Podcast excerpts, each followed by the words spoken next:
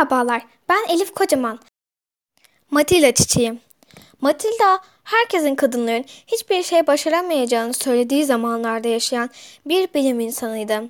Matilda insanların ona sen hiçbir şey başaramazsın, sen bilim insanı olamazsın demelerinden bıkmıştı. Matilda da bu işe bir son vermek istiyordu. Bunun için de bir buluş bulmalıydı ve insanlara onun kendisinin yaptığını kanıtlamalıydı. Matilda bu konu üzerinde çok düşündü. En sonunda yapması gerekeni buldu. Fakat bunun için küçük bir seyahate çıkması gerekiyordu. Bu seyahatte İspanya'yaydı. Orada kendine yeni bir ortak buldu. Adı da Alex'ti. Matilda ile Alex'in çok ortak yönü vardı. Alex'in laboratuvarına gitmeye çalışırken yolda minik bir kedi gördüler. Matilda, Alex ne olur kediyi alalım. Olmazsa da bir yuva bulalım. Alex, ben de o minik kediyi almak isterdim. Ancak benim tüye alerjim var. Bu yüzden ona başka bir yuva bulalım dedi. Matilda o kediyi ne kadar sahiplenmek istese de minik kediyi sahiplenemiyordu. Ancak yine de bir yuva bulacaklardı. Alex ile Matilda artık daha gecikmeden laboratuvara gittiler.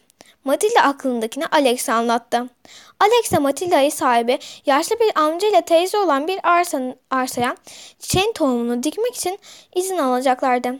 Matilda hemen karışımı hazırladı. Sonra karışımı tohum haline çevirdiler.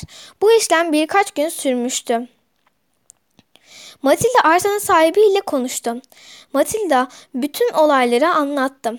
Arsanın sahibi yaşlı çift hiç kuşkusuz kabul etti. Matilda o çifte çok teşekkür etti. Alex koşarak Matilda'nın yanına geldi. Alex, yaşlı teyzeyle konuştun mu? Tamam mı? Ne oldu? Matilda, ben konuştum. İşi hallettim. Tohumları dikmeye başlayalım o zaman. Alex tohumları dikti ve buradaki işleri bitti. Matilda o kediyi yaşlı teyzeye ve amcaya vermeye karar verdi. Yaşlı amca Matilda'ya, evladım sen zekisin. İnsanlar ne derse desin. Onları umursama. Sen kendine inanırsan başarırsın. Matilda, sizin söyledikleriniz bana yeter. Ayrıca siz de isterseniz sizin mektup arkadaşınız olmak isterim. Yaşlı amca, tabii ki olur. Sana iyi uçuşlar. Matilda yaşlı çift ile vedalaşıp daha vakit kaybetmeden havaalanına gitti. Uçağa bindi ve Hollanda'ya doğru seyahat ettiler. İndiklerinde fark ettikleri çiçeklerine isim vermeyi unuttular. Havalimanından çıktılar ve bir taksiyle laboratuvara gittiler. Hemen tohumları çıkardılar. Bir de bitkinin olgunlaşmış halini. Yanlarına alıp boş bir araziye gittiler. Matilda bütün olayı anlattı. Arsanın sahibi anlayış gösterdi. Tam o sırada postacı geldi. Arsanın sahibi olan kadının postasını yanında gazetede gelmişti.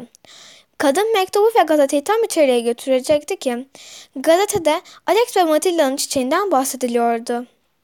Kadın haberi görünce bütün arsaya çiçek dikin hatta gazetecileri çağıralım da bütün dünya yaptıklarınızı öğrensin.